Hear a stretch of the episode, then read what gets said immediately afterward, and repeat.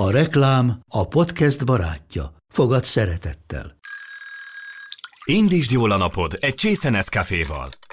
Élvezd minden reggel a gondosan pörkölt kávészemek telt ízvilágát, az Európában 100%-ban felelős forrásból származó kávéból készült Nescafé klasszikkal. Tudj meg többet fenntarthatósági törekvéseinkről a nescafé.hu oldalon. Nescafé. Új lehetőség minden csészében. Ez reklám volt, jó volt. Beaton Studio. Ez a Felforgatók, a Bátrak podcastje Kadarkai Endrével. A műsort a Volvo Autó Hungária támogatta.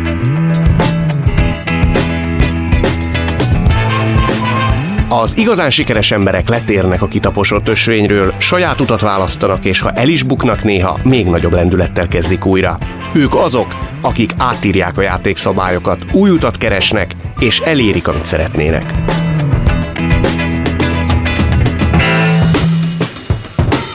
A felforgatók első évadában tíz magyar történetét mutattuk be, akik mertek szembe menni az árral.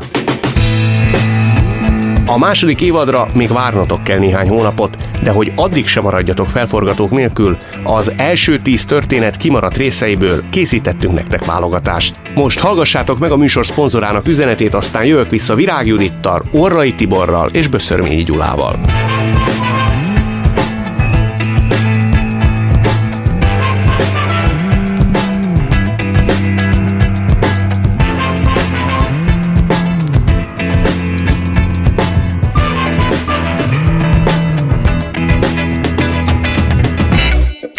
A felforgatók azok az újítók, akik nem kötnek kompromisszumokat. Mi a Volvo-nál hiszünk abban, hogy a környezettudatosság és az élményekkel teli autózás megfér egymás mellett. Mostantól minden modellünk a legfejlettebb plug-in hibrid hajtással is rendelhető. Ultra alacsony károsanyag kibocsátás és kiváló menetdinamika egyszerre. Maradjon lendületben és közben óvja a jövőt. Volvo plug-in hibrid modellek. Mindig feltöltve.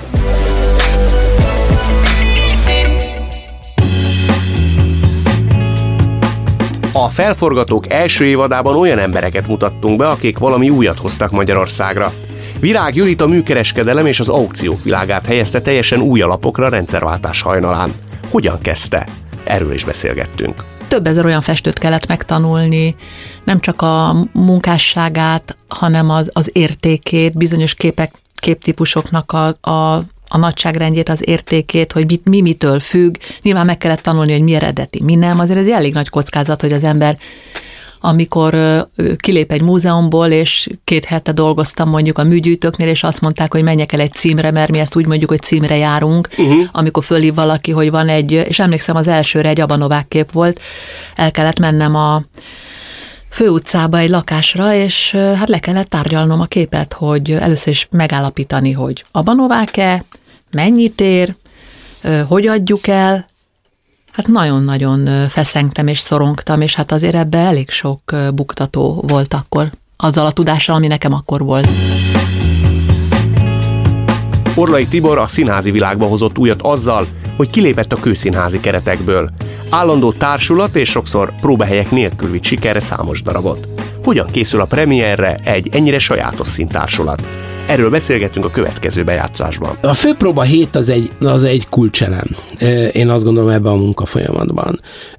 A főpróba héten tudnak olyan, olyan pillanatok lenni, amikor az az érzés, és nem csak nekem, hanem a alkotóknak is, hogy, hogy Jézus Mária, ö, ebből semmi nem ebből lesz. semmi nem lesz. Szinte minden, majdnem minden főpróba héten van egy ilyen. És azt már megtanultam, hogyha nincs ilyen, na az az előadás soha nem szokott jó lenni. Tehát amikor egy ilyen hurrá optimizmus, minden a helyén van, minden klappol, rök gyorsan megszületik a főpróba hét elején, már simán mennek az összpróbák, na akkor mindig szokott valami baj lenni. Félrenézünk valamit, rosszul ítélünk meg valamit, és, és aztán van olyan is, amikor, amikor és talán pont ezt most elmondhatom, pont a ö, utóbbi bemutatónkkal a szemünk fénye, ami októberi bemutatónk volt a belvárosiban. Ö, volt a főpróba héten egy olyan este, amikor az összpróba után mindenki totál letargikusan, hogy hát ez, ez a, itt fogja adni mindenki a felállja az előadásra, és elmegy, hogy ez nem működik, és a többi. Te is azt hitted. Mindenki. De az egy, minden, és ez a fő, az első nyilvános nézős próba előtti este volt, teljes letargia volt, miközben előtte már ment jobban, tehát akkor mindenki hmm. tudta, hogy ez, ez megvan, de az egy nagyon rosszul sikerült próba volt, és na, az például egy nagyon szorongató e, este volt a következő este, amikor jöttek a nézők, általában nézőket, ez nálam szokás, általában én, aki, akik ilyen főpróbára, sajtóbemutatóra, premierre jönnek, azokat általában én szoktam fogadni, én adom oda a jegyüket, ez, ezt én így vezettem be, én ezt valahogy így érzem korrektnek, jónak, hogy, hogy ö, ö, akikre én meghívok, legyen meg az a tiszt, hogy én fogadjam őket, és én, én lássam őket vendégül. Ö, és ö, jöttek a ismerősök, barátok, ö, szakmabeliek, ugye mindenkit szeretettel fogadtam, és közben pedig a, a gyomromba ott volt, hogy na most ma este mi lesz. És egy csodálatos este lett, és azt gondolom, hogy egy, egy nagyszerű előadás született. A felforgatók első évadában tíz embert mutattam be nektek. Pöszörményi Gyula története sok szempontból különleges és nagyon közel áll hozzám de a jelek szerint hozzátok is, mert a Facebookon zajló közönségszavazáson őt választották 2019 felforgatójának. Most azt a részt hallhatjátok, amikor Gyula elmesélte, hogyan evett életében először hamburgert. Meg kell tanulnom az életet később. Nézd, én 22 éves voltam, amikor életemben először ki tudtam mozdulni abból a szobából, amiben voltam, akkor éppen egy szociális otthonban éltem, és megkaptam az első elektromos tolószékemet, és lementem a faluba, szerettem volna egy, enni egy hamburgert.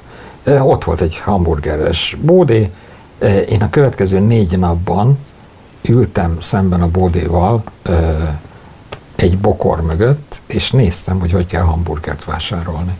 Tehát a legalapvetőbb dolgokat sem tudtam az életből, meg kellett tanulnom hogy hogy, hogy hogy működik ez, hogy odamész, hogy kérsz, hogy ezt kiadják az ablakon, utána kifizeted, ezt a folyamatot mind végig kellett néznem, négy napon keresztül tanultam a hamburgervásárlás művészetét, majd megvettem életem első hamburgerét. De szerinted az mi múlik, hogy egy 22 éves ember a csalódásából, a csalódottságából fakadóan, hogy ezzel ő csak 22 évesen szembesül, nem a könnyebb ellenállás irányába megy el, hanem azt mondja, hogy akkor megtanulom.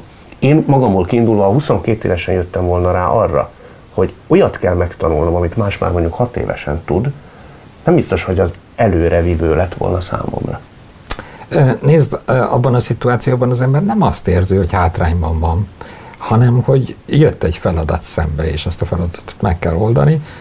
Persze, később aztán okosodik, és akkor rádöbben, hogy hogy hát azért ez mégiscsak egy őrületes dolog, hogy 22 évesen tanulsz meg egy ilyen e, nevetségesen egyértelmű e, dolgot, de hát nekem ez így adatott, tehát 22 évesen e, tanultam meg, mint ahogy minden, minden mást, ami a életben szükséges vagy fontos, akár lányokról volt szó, akár barátkozásról, szórakozásról, moziba járásról, ezt mind-mind később tanultam meg, valószínűleg most is lemaradásban vagyok. Lehet, hogy vannak dolgok, amikben Gyula lemaradásban van, de rengeteg olyan is van, amiről jóval többet tud, mint mi. Arról is megkérdeztem, milyen írónak tartja magát. Elhiszed ma már úgy egy-egy pillanatra, hogy, hogy te egy nagyon sikeres magyar író vagy? Egy-egy pillanatra. De csak nagyon pici pillanatokra, és vigyázok, hogy ezek ne is legyenek hosszabb pillanatok. De miért? Mi történne akkor veled, ha úgy hagynád egy kicsit elégedetnek lenni magad? Elégedett szoktam lenni, nagyon sokszor. Akkor, amikor sikerül egy jó jelenetet megírnom, vagy, vagy elkészülök valamivel, vagy akkor, amikor látom az olvasóim szemében a, a szeretetet, amit nagyon látok, és nagyon boldog vagyok tőle. Olyankor szoktam elégedett lenni, de nem akarok elszállni.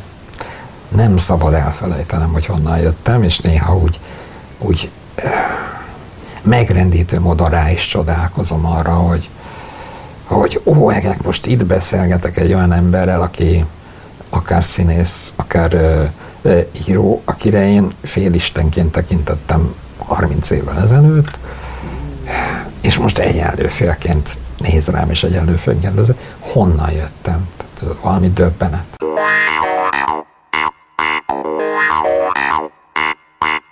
A világot a felforgatók teszik jobb helyé. Konfliktusokat vállalnak, mert hisznek ügyeikben. Nekik köszönhetjük a fejlődést. Az elmúlt hónapokban tíz embert mutattam be nektek, de ezzel a felforgatók története még nem ért véget.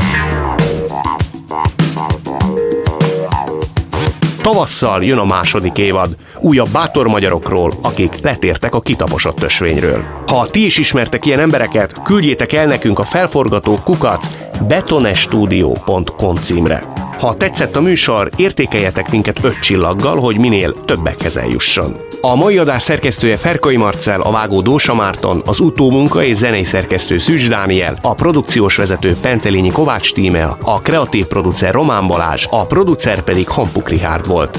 Én Kadarkai Endre vagyok. Legyetek felforgatók ti is!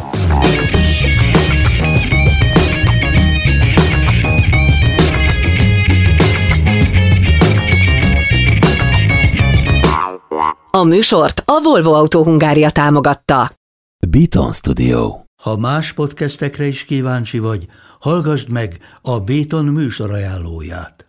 El tudod képzelni, hogy a podcastet, amit éppen most hallgattál, fél év múlva már a mesterséges intelligencia generálja? Mi sem. De ha érdekel, eljött már a gépek lázadása. Hallgass bele az Embertelen podcastbe. Orsós Lajos vagyok, a műsor házigazdája. Egyelőre még élőben. Egyelőre. Fedezzük fel együtt, hogyan ismerkedik, randizik, mesél és vitatkozik Betty és Péter, két teljesen mesterséges intelligencia. Lajos, a podcast címét mond még egyszer, Léci. Oké. Okay. Embertelen podcast. Ez egy Béton podcast.